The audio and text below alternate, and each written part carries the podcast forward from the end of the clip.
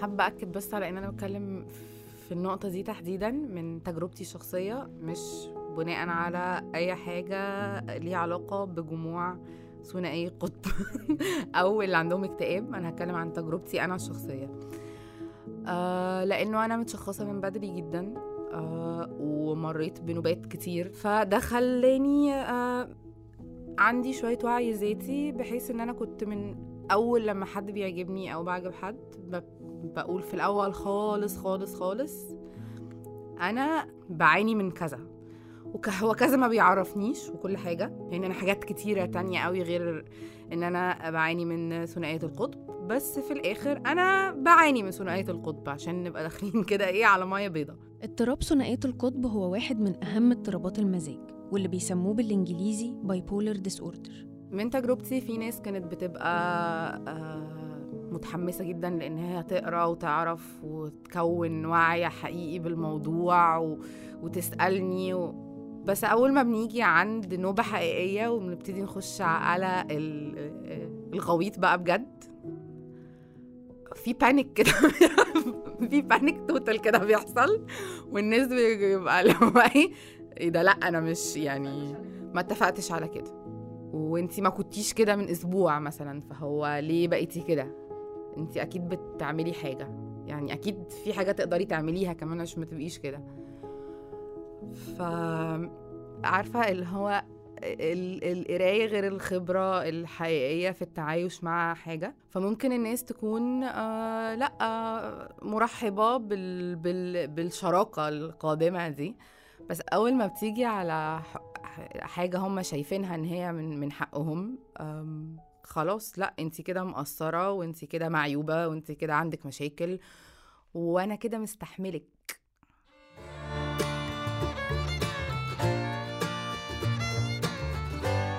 أنا ساندي عبد المسيح ودي الحلقة الرابعة والأخيرة من الموسم الثاني البودكاست عايزين نفهم من إنتاج مشروع الحب ثقافة. من خلال بودكاست عايزين نفهم هنفتح معاكم مساحة جديدة للنقاش عن كل الموضوعات المتعلقة بالحب والعلاقات والجواز. غيرنا اسم الضيفة للحفاظ على خصوصيتها. مريض الاكتئاب العادي ممكن يكون بيعاني من نوبة اكتئاب أطول زمنيا من مريض يعني ثنائية القطب القطب. بس إحنا للأسف بنعاني منها بشكل حاد وعنيف أكتر بكتير. يعني ممكن تبقى النوبة نفسها وقتها أو مدتها أقصر زمنيا شوية بس هي أعراضها كلها بتبقى أعنف بكتير وده بي, يعني بيخلي فكرة ال إن في حاجة بتحصل شبه الشلل كده في كل الوظائف أو الرغبات. دي سلمى ست عندها 40 سنة متجوزة وعندها أطفال. اتشخصت في 2005 باضطراب ثنائية القطب أو ال bipolar disorder اضطرابات المزاج أو ال mood disorders بيقع تحتها مشاكل كتير مرتبطة بالمزاج وأهمها ثنائية القطب والاكتئاب. الاضطرابين زي ما سلمى قالت بيحصل فيهم نوبات اكتئاب باختلاف المدة والحدة بس في جميع الأحوال نوبة الاكتئاب بيكون ليها أعراض مزعجة وأحيانا بتعطل حياة الشخص. ممكن يبقى فيها في أول حاجة فقدان في الرغبة في الصحيان. يعني دي بتبقى أول حاجة خالص. أنا مش عايزة أقوم أصلا مش مش عايزة أقوم من السرير أنا مش عايزة أصحى أصلا. فممكن يبقى في نوم كتير جدا. على سبيل إن أنا يعني عايزة أنفصل عن الواقع بجد آه فقدان شهية للأكل آه فقدان للرغبة الجنسية بشكل كامل فقدان للرغبة في ال في ال في أي حاجة أصلا الواحد بيكون طبيعي بيحبها أنا مش عايزة. مش عايزة أشوف صحابي مش عايزة أشوف أهلي مش عايزة أعمل شغلي لو بحبه حتى ما فيش يعني إغلاق تام زي ال lockdown كده بتاع الكورونا عندنا إغلاق تام. فهو بيبقى ما فيش ما فيش رغبة لأي حاجة أيا كانت هي إيه ما فيش رغبة لأي حاجة. في الحلقة دي هنركز بشكل أساسي على نوبات الاكتئاب وتأثيرها على الحياة الجنسية. وعشان نقدر نبدأ كلامنا مهم نفهم إيه هو تعريف الاكتئاب والفرق بينه وبين مشاعر الحزن الطبيعية. لأن كتير من الناس بيفتكروا إن الاكتئاب هو مجرد شعور بالزعل ينفع إن الشخص يتخطاه بسهولة أو بمزاجه. بيبقى طبيعي آه لما يحصل حاجة تزعلنا زي فقدان حد عزيز علينا طبيعي إن إحنا نشعر بالحزن. بس الحزن ده شعور طبيعي لا يؤدي إلى تدهور في الوظائف الحياتية بتاعتي. يعني أنا حزين بس مع الحزن بعرف أروح شغلي أعرف أقعد مع أصدقائي أعرف أقعد مع أهلي. فإذا ده حزن عادي. لكن الاكتئاب ده حاجة أوسع وأشمل. ده صوت الطبيب أحمد صلاح أخصائي الطب النفسي واللي هيكون معانا في الحلقة دي عشان يساعدنا نفهم أكتر تأثير الاكتئاب على الحياة الجنسية. يعني أول حاجة عشان أشخص اكتئاب أو عشان أقول الشخص ده عنده اكتئاب لازم يكون المدة أسبوعين. أسبوعين من إيه؟ أسبوعين بيعاني من أعراض معينة. الأعراض دي أول عرض فيها وأهم عرض فيها هو المزاج المكتئب. بس يعني إيه مزاج مكتئب؟ يعني أبقى مكتئب أغلب اليوم أغلب ال 14 يوم. زائد بيبقى فيه فقد آه، الاستمتاع بالأشياء اللي كنت بستمتع بيها قبل كده. يعني زي مثلا أنا بحب مثلا أتفرج على ماتشات كورة أو أحب ألعب كورة آه، أو أحب أخرج مع أصدقائي. أو واحدة مثلا بتلعب مزيكا فتيجي تمارس الأنشطة دي ما تبقاش مستمتعة بده. زائد بقى في عندنا بيحصل مشكلة في النوم. يا إما بيبقى عندي صعوبة إن أنا أبدأ النوم بتاعي آخد وقت كبير عبال ما أنام يا إما لما لما أنام أصحى كتير في وسط النوم نومي يبقى- متقطع يا إما أصحى بدري قوي عن ميعادي وما أعرفش أدخل في النوم تاني يا إما أنام كتير قوي زائد بيبقى في عندنا مشكلة في الشهية للأكل. بفقد الشهية لل... للأكل وبالتالي أخس أخس حوالي 5% من وزني خلال شهر. أو آكل زيادة فوزني يزيد 5% خلال شهر. وفي بقى نقطة تانية إن بيبقى في شعور دائم بالإجهاد وإن الطاقة بتاعتي قليلة جدا وبيبقى في صعوبة في التركيز. إن أنا ما أقدرش أعمل الحاجات اللي كنت بعملها قبل كده أو تاخد مني وقت طويل. آه، وبيبقى في كمان آه، إحساس دائم بالذنب وغير مبرر وفي شعور دائم بعدم الاستحقاق. أنا ما استاهلش أنا ما استحقش أنا تعبكم معايا أنا حمل عليكم وفي بقى نقطة مهمة قوي ودي بتبقى في الحالات الشديدة شوية إن يبدأ يجي لهم أفكار متكررة عن الموت وعن الانتحار. الفكرة بس إن هي لما بتيجي نوبات الاكتئاب وبيبقى فيه فقدان شديد للرغبة الجنسية في انعدام رغبة جنسية بلاش فقدان هو انعدام رغبة جنسية مش موجودة. زي ما قلت إنه في رجالة كتير بتشوف آه، ال- الممارسة الجنسية على إنها حق من حقوقها بالذات لو في إطار جواز. وده بيخلي الموضوع مهما كانت الست على درجة من الوعي إن مفيش حاجة اسمها حقك في الآخر هو جسمي ستيل إلى حد ما هي بتتلخبط و... وال... والاتهامات بالتقصير وبال بال انتي ما بتعمليش كفاية وما بتحاوليش تطلعي من النوبة كفاية بلا بلا بلا. ده بيخلي الواحد في الآخر بيفكر ما يمكن أنا مقصرة فعلا ويمكن أنا كل الحاجات دي فعلا. فأنا هحاول هحاول أمارس العلاقة الجنسية في هذه اللحظة. في قلب نوبه الاكتئاب وأنا أصلا مش عايزة أصحى من النوم. وبينتج عن ده شيء يعني خبرة مش لازم تتكرر مع أي حد أصلا. وده بيخلي بيأثر على العلاقة الجنسية قدام إلى حد ما وبتحتاج تتعافى أصلا. يعني بتحتاج تتعافى من المرة اللي تمت فيها بالطريقة دي. لأن هي بتبقى أولا هي تأدية واجب والعلاقة دي مش المفروض تكون تأدية واجب. هي في الآخر سبب للانبساط طرفين مش طرف لوحده. يعني لو جينا قلنا إن إن الحياة الجنسية هي جزء من حياتنا فهو الشخص المكتئب أو المتشخص باكتئاب بيبقى آه عنده أول حاجة فقد الاستمتاع بالأشياء اللي كان بيستمتع بيها قبل كده. فاذا هو هيفقد الاستمتاع بالجنس. وإحنا قلنا كمان إن بيبقى عنده آه إحساس دائم بالإجهاد وفي انعدام للطاقة. فبالتالي هو مش هيبقى عنده القدرة إن هو يمارس الجنس. زائد إن الرغبة نفسها بتتأثر. ملوش نفس إن هو يعمل حاجة. ملوش نفس إن هو يتفرج على التلفزيون ملوش نفس إن هو يخرج مع أصحابه ملوش نفس إن هو يمارس الجنس. عشان كده مهم قوي إنه ما يكونش في ضغط من الشريك ويكون في تفهم لأن وقت نوبة الاكتئاب الشخص بيكون فعلا فاقد للرغبة تماما ومش تجاه الجنس بس لكن تجاه كل حاجة. سلمى حكت لي من تجربتها الشخصية إنه ساعات كتير وحتى لو كان الشريك على درجة من الوعي والمعرفة بالصحة النفسية وتأثيرات الاكتئاب إلا إن الموضوع لما بيجي على الجنس ممكن ردود الأفعال تكون سلبية. أنا مش عايزة. طب okay طب okay طب okay. وبعدين عند نقطة من معينة الشريك ما بياخدش الموضوع على إن هو دي نوبة اكتئاب. هو بيبتدي يحوله على إنه ده رفض موجه لشخصي. اللي هي أبعد حاجة عن الحقيقة. هو لأ مش مرتبطة بشخص أي حد دلوقتي.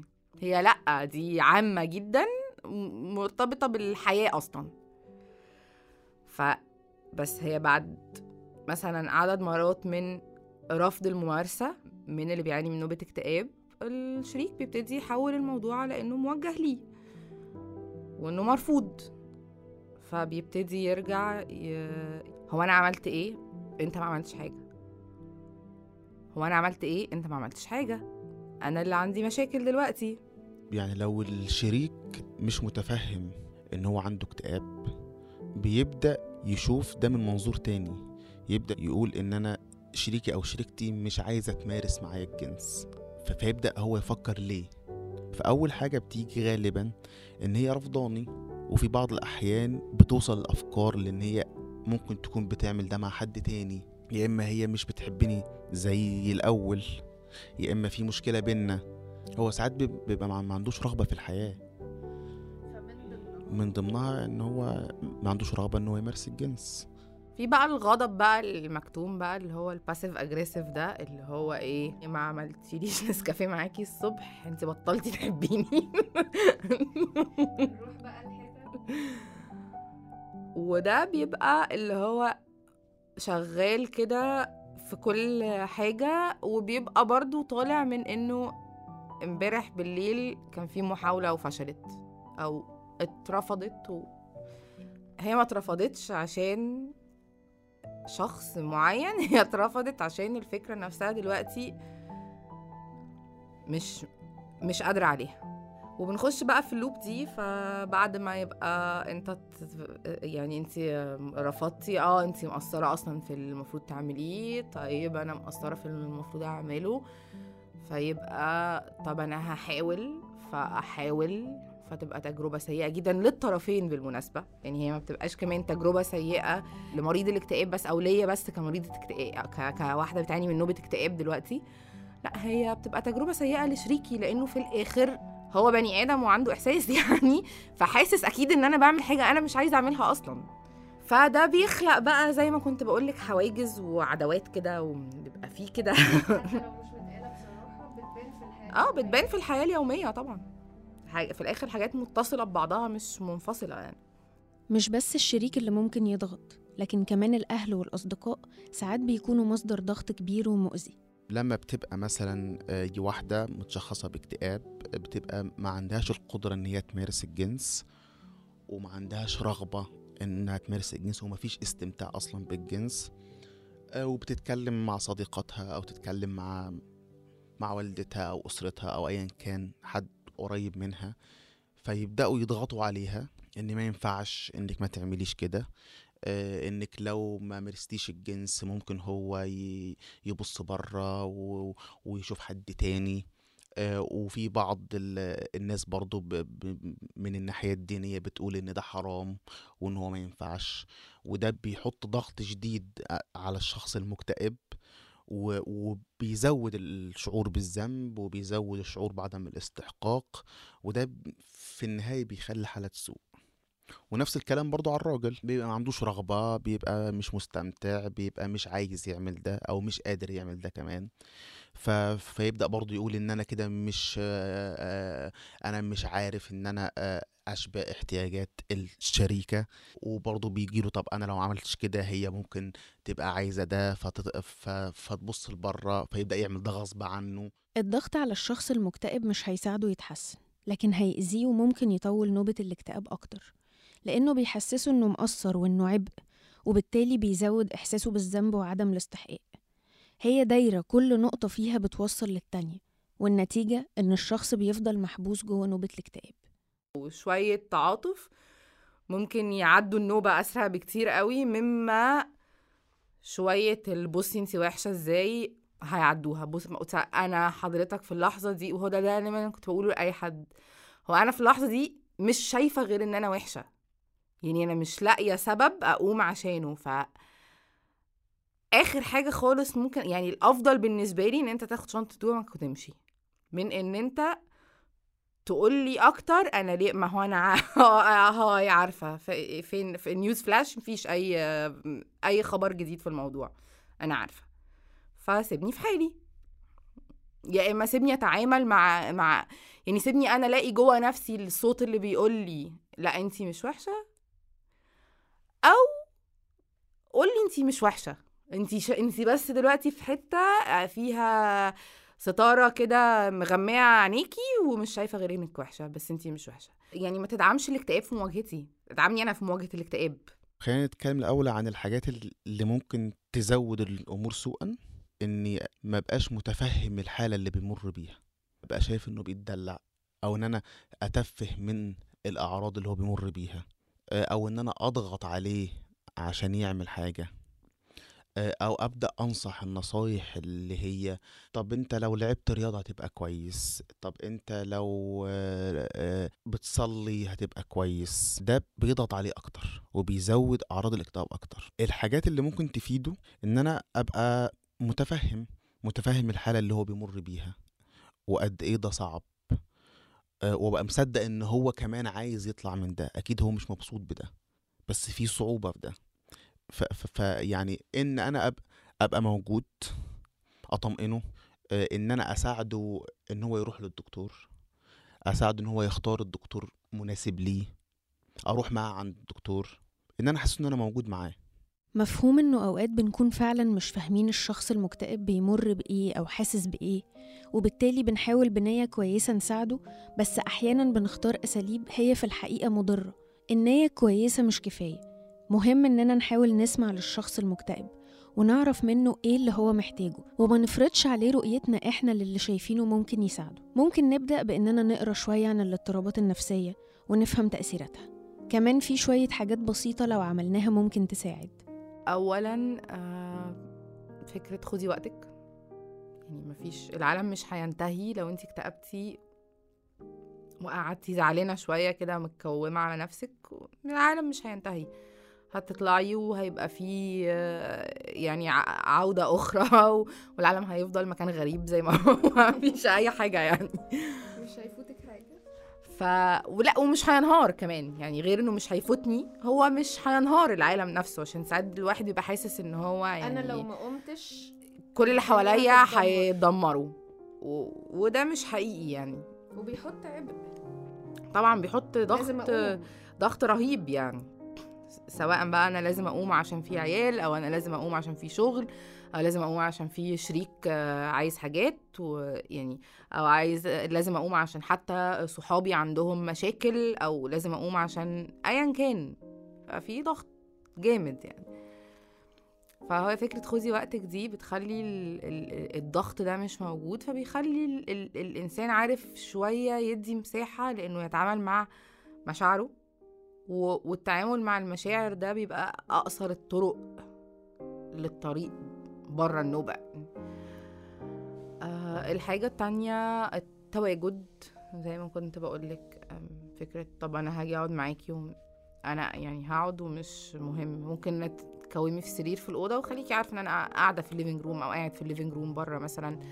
بتفرج على حاجة وبمارس حياتي ومش قاعد حاطط إيدي على خدي معاكي ولا زعلان ولا مكتئب ولا أي حاجة. أنا قاعد عادي عايش حياتي تماما صحبة بالظبط مش لازم تبقى الصحبة بت... ب... ب... بالمشاركة الوجدانية للحالة الشعورية. ممكن تبقى الصحبة بالوجود وكل واحد يعمل اللي على ما... يعني اللي على مزاجه. بس يبقى في حد يعني. تالت حاجة التفهم لأنه ده آه، شيء خارج عن إرادة اللي بيمر بنوبة الاكتئاب أو مريض الاكتئاب. يعني في الآخر مفيش حد بيروح لحد عنده جلطة صغيرة مثلا. أنا هعتبر بعتبر نوبة الاكتئاب زي الجلطة الصغيرة. هي مش يعني مش لازم تكون بتهدد الحياة بس هي بتعطلها. مش هروح لحد عنده غلطه صغيرة أقول له لا أنت ما عندكش غلطه كبيرة قوم بقى يعني عيش حياتك واعمل اللي وراك وانبسط كمان بيه. يعني كمان- يعني فكرة انبسط بيه دي هي كمان بتبقى مؤلمة أكتر من اعمل اللي وراك. لأنه ممكن مريض الاكتئاب يقدر يضغط على نفسه كفاية إن هو يعمل وراه. بس فكرة إن هو يبقى بيتضغط إنه ينبسط بالحاجات اللي المفروض تبسطه دي غريبة جدا. ما أنا مش عارفة أعمل إيه طيب. بعد ما فهمنا شوية عن الاكتئاب وتأثيره إيه اللي ممكن يساعد أو يضر الشخص المكتئب مهم كمان نفهم هل الاكتئاب واضطرابات المزاج دي حاجة منتشرة ولا فئة قليلة من الناس بس اللي بتعاني منها؟ الاكتئاب يعتبر من أكثر الاضطرابات النفسية انتشارا. معدل الانتشار بتاعه تقريبا من 12 ل 17 في المية بيجي لهم اكتئاب خلال حياتهم. يعني يعني إحنا مثلا هنا في مصر 100 مليون مواطن تقريبا منهم من 12 ل 17 مليون واحد عنده اكتئاب أو هيجي له اكتئاب النسبة كبيرة. العدد الكبير ده كمان حياته بتكون في خطر في أوقات كتير. في نسبة من 60 ل 65 في المية من مرضى الاكتئاب بيفكروا في الانتحار. بيفكروا آه. وفي نسبة من آه، 10 ل 15 في المية فعلا بينتحروا بينهوا حياتهم. يعني هو رقم كبير مع إنه بينفع يتعالج. يعني دي حاجة ممكن نمنعها يعني من من 100 شخص عندهم اكتئاب في من 10 ل 15 في المية بينتحروا و- ومع العلاج ممكن إحنا نمنع ده. هل كل الأشخاص اللي متشخصة بالاكتئاب أو باضطراب تاني بيسبب نوبات اكتئاب بيعانوا من الأعراض طول الوقت طول حياتهم؟ يعني هو الاكتئاب ممكن يجي في نوبة واحدة بس وتخف وخلاص وما يحصلش تاني. وممكن تيجي نوبات متكررة يعني يبقى مزمن تمام؟ يعني يبقى متشخص باكتئاب اضطراب مزمن بيجي على هيئة نوبات. النوبات دي ما بتستمرش طول الوقت. يعني نوبة بتيجي وتروح. النوبة الاكتئاب اللي لم تعالج ما خدتش أي نوع من أنواع العلاجات ممكن تستمر من 6 شهور ل 13 شهر. لكن النوبة اللي أخدت علاج دي حوالي ممكن تستمر من شهر لشهرين. فرق كبير طبعا في المدة. ممكن ترجع النوبة بعد ست شهور ودي نسبة قليلة شوية حوالي 25% منهم وممكن النوبة ترجع تاني بعد سنتين ودي نسبة من 30 ل 50% وممكن النوبة ترجع بعد خمس سنين ودي نسبة حوالي من 50 ل 75% واضح من كلام دكتور أحمد صلاح إن العلاج بيفرق جدا في مدة وتكرار وشدة نوبة الاكتئاب.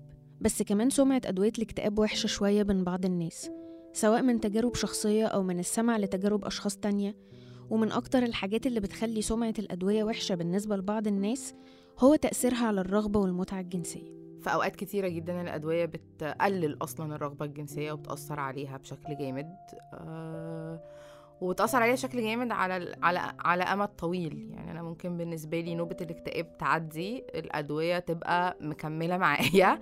فلو كان في أي أمل إنه رغبتي الجنسية تتعافى بحيث إن أنا أعمل حاجة بحبها وبنبسط بيها. وبتريحني.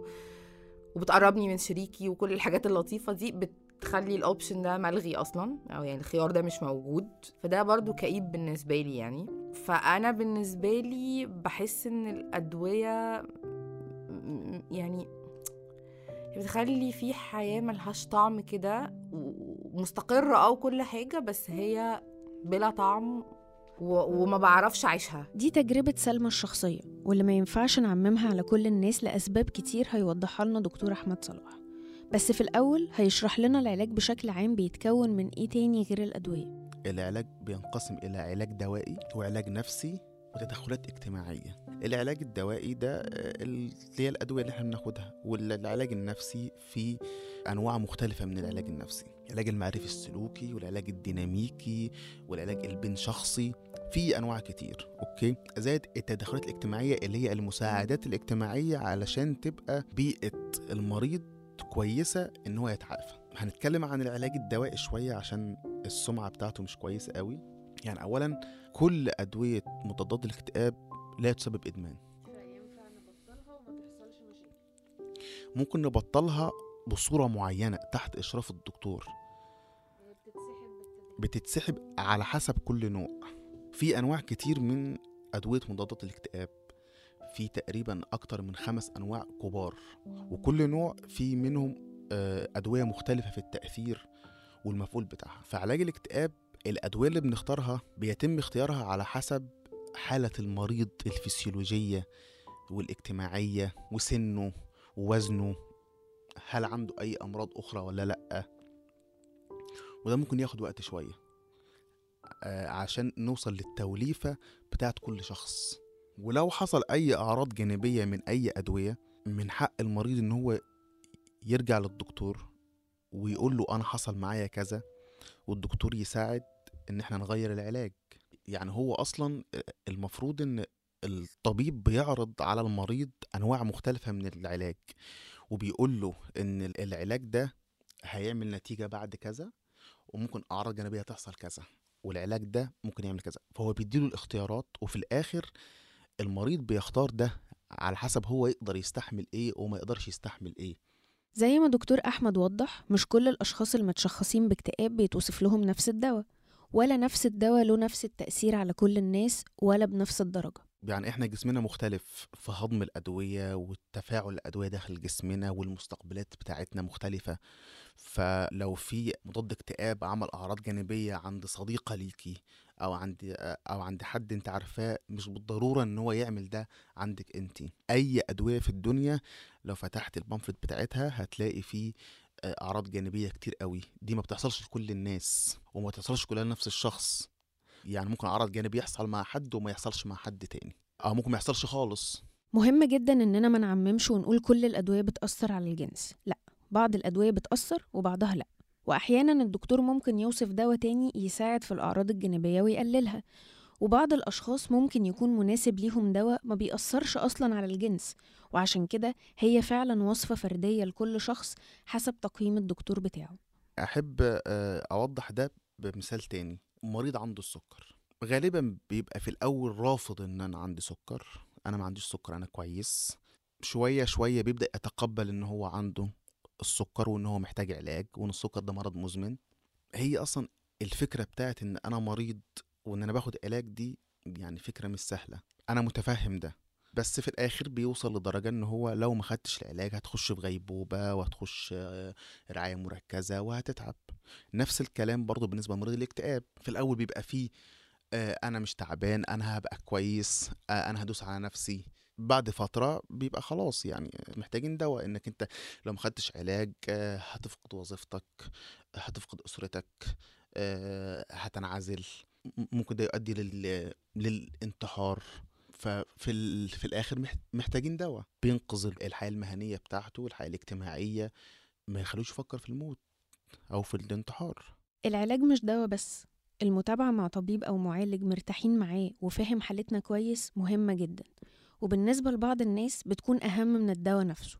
أنا بالنسبة لي تجربة العلاج كانت أكتر من ممتازة والدكتور كان متفهم معايا في موضوع الأدوية ده آه، ما كانش بيبقى فيه إصرار على الأدوية إلا لو في آه، نوبة انتحارية أو يعني نوبة مصاحبها ميول انتحارية وساعتها كان بيبقى لأ أنا آسف يعني. يعني سواء إن انت يعني مش عايز تاخدي الأدوية عشان مش عايزة تتخني فلا معلش تخني وخل... وبعدين يبقي خسي آه، سواء مش عايزة تاخديها عشان آه، مش عايزة مشاكل مع شريكك لا معلش. ما هو يعني لو انت مش موجودة مش هيبقى في سكس برضه في الآخر فيعني خليكي موجودة please كلنا هنزعل. آه، فخليكي مع الأدوية يعني خدي الأدوية نعدي ال- النوبة دي وبعد كده ممكن نبقى نشوف لو كنا هنوقفها تدريجي أو هن نحاول نظبط الدنيا بشكل تاني معاها. بس. طب هل الشريك له دور في رحلة العلاج والسيطرة على أعراض الاكتئاب؟ الشريك أو الشريكة اللي مع شخص عنده اكتئاب يعني دي حاجة صعبة.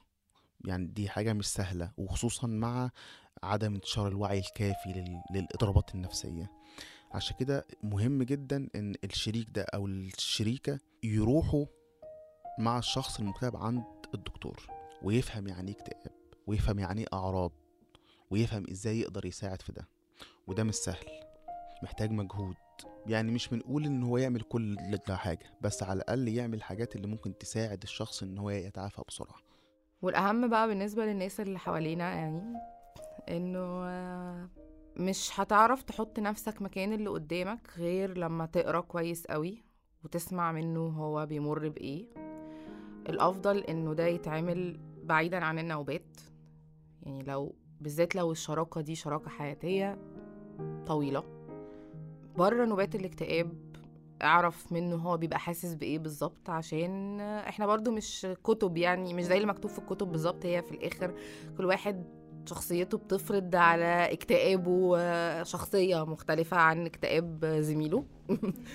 ف في الآخر اعرف منه اسمعه شوف إيه اللي كان هيساعده ارجع قول له إيه اللي كان هي... إيه اللي أنا عملته كان إيه اللي عملته ساعدك طيب؟ تطلع. إيه اللي ما عملتوش وكان المفروض أعمله؟ إيه اللي عملته وكومك زيادة؟ وزيه زي المرض العضوي فيعني زي ما أنت بتبقى عارف إنه لو حد زايدته بتنفجر دلوقتي مش هينفع تطلب منه يقوم يعمل لك كوباية نسكافيه. نفس الحكاية يعني.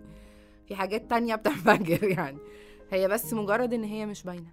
بس حتى الآن دي حاجة إحنا بنتعلم نتعايش معاها وجزء من حسن تعايشنا معاها زي بالظبط ما مريض السكر اللي حواليه ممكن يدعموه ويساعدوه بإن هم ما ي... ما يحطلوش يعني حلاوة المولد في كل حتة في البيت. هي نفس الحكاية ما تحطليش تريجرز في كل حتة حواليا ما تبقاش العلاقة كلها طول الوقت فيها مشاورة على عيوبي اللي هي حاجة عندنا كلنا يعني أو على مشاكلي. وبعد كده نقول مالك بقى؟ سكرك ضرب ليه؟ ما هو ساعتها أنت عارف إنك أنت أكيد كنت جزء من إن السكر ضرب يعني. التعايش مع الاضطرابات النفسية تجربة صعبة وعشان تعدي بأقل خسائر والشخص يقدر يتجاوز ويرجع لحياته لازم اللي حواليه يدعموه وما يضغطوش عليه حتى لو بسلامة نية لأنه في الآخر بيتأذي. يعني عايز أقول إن آه، الاكتئاب هو مرض مزمن ودي حاجة مش كويسة بس الحاجة الكويسة إن هو ليه علاج وبيتعالج والعلاج بتاعه فعال جدا وبالعلاج ممكن المريض يبقى عدد النوبات أقل وتبقى شدة الاكتئاب أقل بكتير وبالتالي يحافظ على جودة الحياة بتاعته ويقدر يتعايش مع ده. وبالنسبة للشريك أو الشريكة إنه يتفهم إن في حاجة اسمها اكتئاب وإن دي فترة ما بتبقاش سهلة وإن وجوده بجانب الشخص ده بيساعده كتير إن هو يبقى أفضل. هقول آه، اولا للرفقاء الدرب. بتعدي بتعدي. هي حاجة وبتعدي في الآخر وبنطلع منها ومع مساعدة مع يعني المساعدة المتخصصة ودعم اللي حوالينا بتعدي وبنقدر نتعافى وبنقدر نرجع وحتى لو طولت. أهم حاجة بس ما نستهونش أهمية العلاج وإن هو يعني العلاج سواء كان من خلال جلسات مع طبيب أو معالج أو كان علاج دوائي على حسب كل حالة يعني. بس هي في الآخر بتعدي وإحنا عادي تعدي علينا أوقات بننبسط حتى لو بننبسط بطرق مختلفة. يعني أنا عادي بقيت بعرف أنبسط جوه نوبة الاكتئاب. بعمل حفلات صغيرة كده جوه نوبة الاكتئاب بنبسط فيها. انبساط للمكتئبين.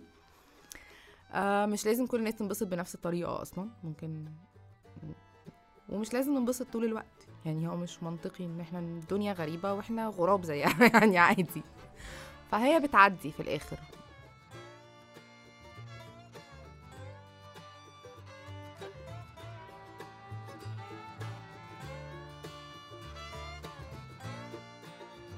كنت معاكم من التقديم والإعداد ساندي عبد المسيح.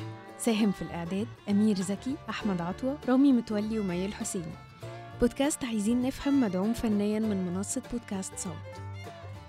لو الحلقة عجبتكم ما تنسوش تسيبوا لنا رأيكم في التعليقات وتشتركوا في قنواتنا على منصات البودكاست اللي بتفضلوها. ما تنسوش كمان تشاركوا الحلقة مع أصحابكم. سلام.